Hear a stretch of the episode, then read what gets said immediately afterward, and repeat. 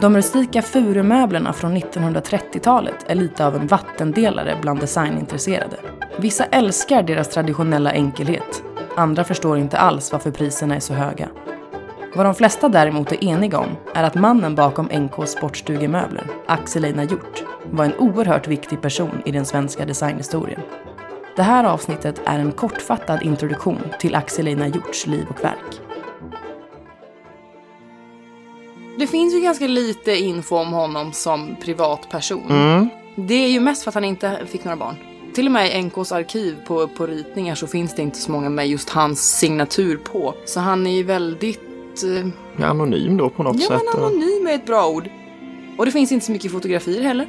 Och han var ju inte med i dåtidens debatt alls. Han höll sig verkligen utanför allting. I alla fall då så föddes han den 7 mars 1888 i Krokeks församling utanför Norrköping. Han eh, växte upp under väldigt enkla förhållanden som man kan tänka sig i slutet av 1800-tal. Hans mamma, Klara Matilda, var bara 20 år gammal och ogift faktiskt. Hans pappa är okänd. I alla fall så bestämde sig eh, Klara Matilda att ta med Axel Einar till Norrköping istället. Men eh, år 1900 så tvingades hon faktiskt att lämna sin 12-åriga son till eh, fosterhem. Och det förändrar ju hans liv då ganska drastiskt kan man säga. Hans eh, nya pappa var Norrköpings fängelsedisponent. Framtidsplanerna blev ju uppenbarligen väldigt drastiskt förändrade. Så när han var 20, 1908, då flyttade han faktiskt till Stockholm för studier på Högre Konstindustriella skolan, numera Konstfack. han studerade där i två år och han tog ingen examen. I alla fall så fick han ställa ut på Stockholmsutställningen 1909 som en del av utbildningen. Och då fick han mycket positiva reaktioner. 1910 Ja. så dog hans eh, fosterpappa. Han efterlämnade inget arv till Axel Einar, så då var han tvungen att börja försörja sig. När man började jobba på olika möbelfirmor. Han började jobba på ett ställe, eller lite olika, men eh, ett som köptes upp av Nordiska kompaniet. Så det var ju så han fick jobb där första gången. Och eh, samtidigt ungefär så startade han ett samarbete med Stockholms stads hantverksförening. Och i alla fall så gjorde de hans möbler i ett decennium ungefär. Så det är ju lång tid. Hans formgivning vid denna tid var väldigt fylld av eh, nyklassicistiska influenser. Och han, bland, eller ja, han blandade ju hejvilt verkar det som. Verkligen i samma möbler så kunde han ju blanda stilar och träslag och allting. Ja, de flesta av möblerna som gjordes lottades ut på föreningens eh, populära lotteri som de tydligen hade. Han drev också ett eget eh, möbelarkitektkontor och, sen, och så får han anställning på NK 1929, eller 27 menar jag. Ja. 1914 så gifter han sig med en Gunilla Westberg och de var gifta hela livet. Han gjorde ju också då möbler för utställningen som de hade för att marknadsföra sig själv och, och snickarmästarna. Tanken var att Göteborgs stad skulle fira sitt 300-årsjubileum 1921. Och vet du när de firade det då? Va, du sa ju det? Nej, det blev 1923 istället, Ja. så det blev, det blev så här vad fan? 302-årsjubileum. Jaha, Men tydligen var det så att, att första världskriget eh, gjorde att, Mhm. som efterdyningarna och det, det gick liksom inte riktigt Mm. att ha ett stort jubileum och dra samman massa folk och så, utan det tog ett par år till. Och man kan väl säga att den här utställningen skilde sig ganska kraftigt mot den senare Stockholmsutställningen då, för att här var det mer lyxbetonat. Men det här var väl egentligen hans inkörsport till att liksom engagera sig i stora utställningar. Axel Einar Hjort gjorde ju möbler för ehm, eh, Bodafors och även Carl Malmsten och Axel Larsson till exempel. Det han gör för Bodafors under den här perioden, det, det präglas ju mycket av det du beskrev för Svenska Hantverksföreningen också, för det är ju liksom viss form av modernism, men sen så är det mycket barock till exempel Ja, i det. jo. Mycket lejontassar, ornament som är skurna, urnor, ja, men, sån verkligen. där gammaldags stilmöbler med en modern touch. Det var i oktober 1927. Det är då han blir anställd som chefsarkitekt på, på NKs eh, ritkontor. Och han hade ju då, precis som du sa, där eh, på, på 19, 1920 hade han jobbat, men bara några månader egentligen, eh, på NK under Carl Bergsten då. Va? Men, men grejen är att flera av de som jobbade då var sådana han blev eh, chef för sen, så att det måste ju bli en sån här liten är ju- känslig situation där. Hur som helst, så att grejen är väl lite att NK under 20-talet, de hade producerat mycket stilmöbler. Hade ju inte hängt med i den här moderna trenden.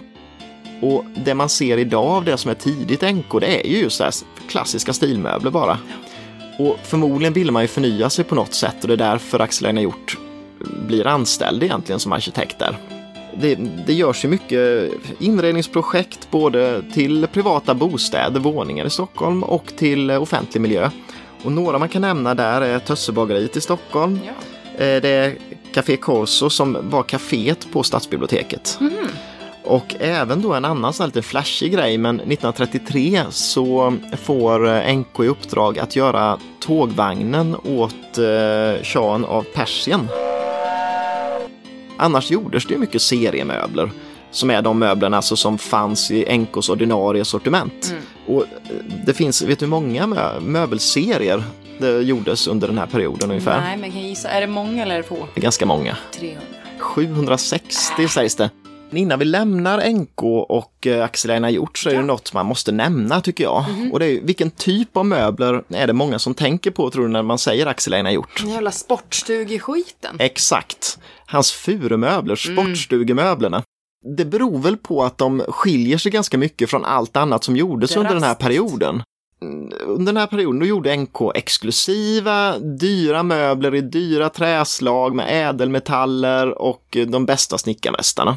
Men sen ha- hade det hänt något politiskt då i Sverige då att semestern var lagstadgad. Alla skulle ha semester. Och då var det fler som kunde skaffa sig fritidshus. Mm. Och då tänkte NK att ja, vi gör en sportstugeserie.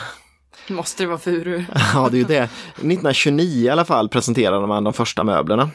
Ja, det, det, blir ju mer avskalat enkelt. Eh, materialet är furu i huvudsak. Det finns vissa möbler som är i eh, ek, eh, som är då en lyxvariant av de andra sportstugemöblerna. Ehm, och på något sätt flörtar man ju med allmogen kanske. Det är det är som gamla allmogemöbler och sen så Ja. konstruktivism, alltså att man visar alla delarna i hur är det byggt. Mm, stommen liksom. Ja, för det är ju så här stora kilar, det är tydliga smidda spikar och sånt. De fick namn efter Stockholms skärgård i huvudsak. Just det. Love, eh, Torö, eh, Tyresö, Utö, Väddö och sen Sport. Idag är de väldigt dyra i regel.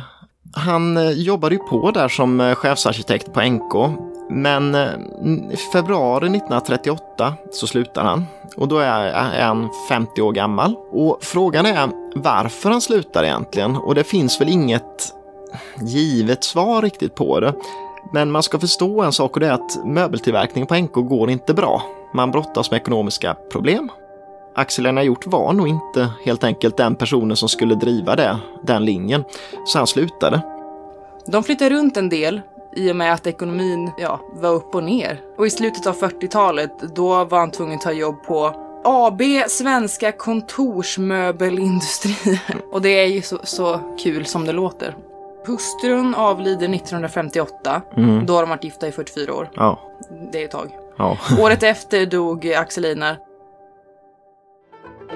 Designpodden produceras av Sanna Z Lönngren och Andreas Zetterqvist. Lyssna på oss gratis där du brukar lyssna på poddar och följ oss på Instagram där vi heter Designpodden.